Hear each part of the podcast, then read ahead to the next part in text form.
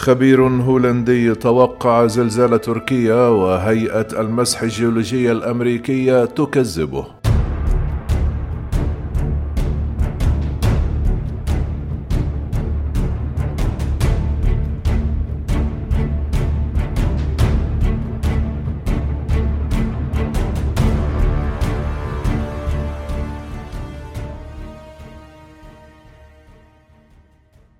جددت هيئة المسح الجيولوجي الأمريكية تأكيدها على أنه لم يسبق لأي عالم التنبؤ بوقوع زلزال كبير لافتة إلى عدم إمكانية ذلك.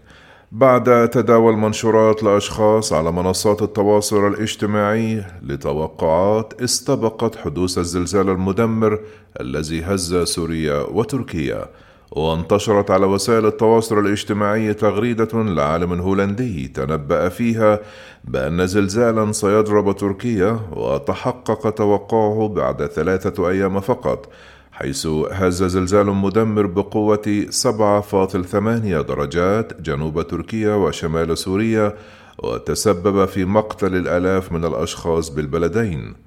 كذبت عالمة الزلازل في برنامج مخاطر الزلازل بهيئة المسح الجيولوجية الأمريكية. سوزان هوغ صحة الإدعاءات والتصريحات بخصوص إمكانية توقع الزلازل مشيرة إلى أن الحالة الأخيرة هي أحدث مثال لهذه البيانات والتوقعات العشوائية وذلك في حديثها للإذاعة الوطنية العامة الأمريكية NPR وبخصوص توقع أشخاص على تويتر لحدوث الزلزال بشكل شبه دقيق وصفت الأمر بأنه عرضي مشيرة إلى أنه حتى الساعة المتوقفة تكون صحيحة مرتين في اليوم.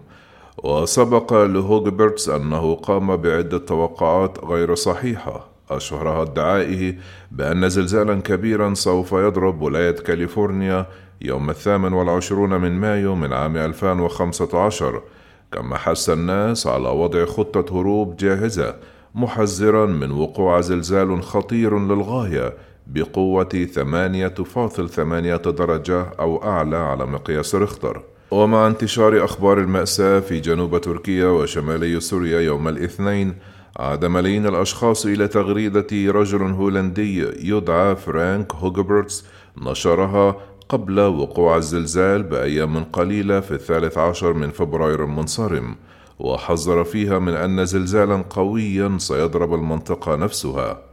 جاء في تغريدة هوجبرتس عاجلا أم آجلا سيحدث هناك زلزال بقوة 7.5 في هذه المنطقة وأشار إلى جنوب ووسط تركيا والأردن وسوريا ولبنان وقام بتضمين خريطة تظهر دائرة حمراء على نفس المنطقة تقريبا التي وقع فيها الزلزال. وردا على تنبؤ هوغبرتس قالت عالمة الزلازل سوزان هوغ أن المنطقة التي وقعت فيها الزلازل موقع نشاط متكرر حيث تتلاقى ثلاث صفائح تكتونية موضحة إلى أن الزلزال القوي لم يمثل مفاجأة لأي عالم زلازل مضيفة إلى أن تركيا منطقة زلازل معروفة ونعلم أن الزلازل بهذا الحجم ممكنة. ولم يستجب هوغربيتس الذي يراقب الأجرام السماوية للتنبؤ بالنشاط الزلزالي على الفور لطلب NPR للرد على العلماء الذين يشككون في ادعاءاته. تقول وكالة المسح الجيولوجي أنه لا يمكن توقع حدوث الزلازل بشكل دقيق ولا نتوقع معرفة ذلك في أي وقت في المستقبل المنظور مضيفة إلى أنه يمكن للعلماء فقط حساب احتمال وقوع زلزال كبير كما هو موضح في خريطة المخاطر لدينا في منطقة معينة خلال عدد معين من السنوات. كما ضرب زلزال الاثنين وعشرات الهزات الارتدادية القوية جنوب تركيا وهي منطقة معروفة بأنها نشطة زلزاليا حيث تلتقي فيها ثلاث صفائح تكتونية لوحات الأناضول والجزيرة العربية وإفريقيا. وتحث هيئة المسح الجيولوجي الأمريكية على النظر في العناصر الثلاثة الأساسية التي من شأنها أن تمثل تنبؤا حقيقيا ودقيقا للزلازل وهي متى يحدث الزلزال وأين وبأي قوة؟ وبهذا يبقى تحذير عاجلا أم آجلا الذي نشره هوغبرس دون جدوى بحسب الصحيفة. كما تقول عالمة هوغ أن الرهان الأساسي ليس القدرة على التنبؤ إنما بحث كيف يمكن أن تبقى المباني قائمة رغم الزلازل.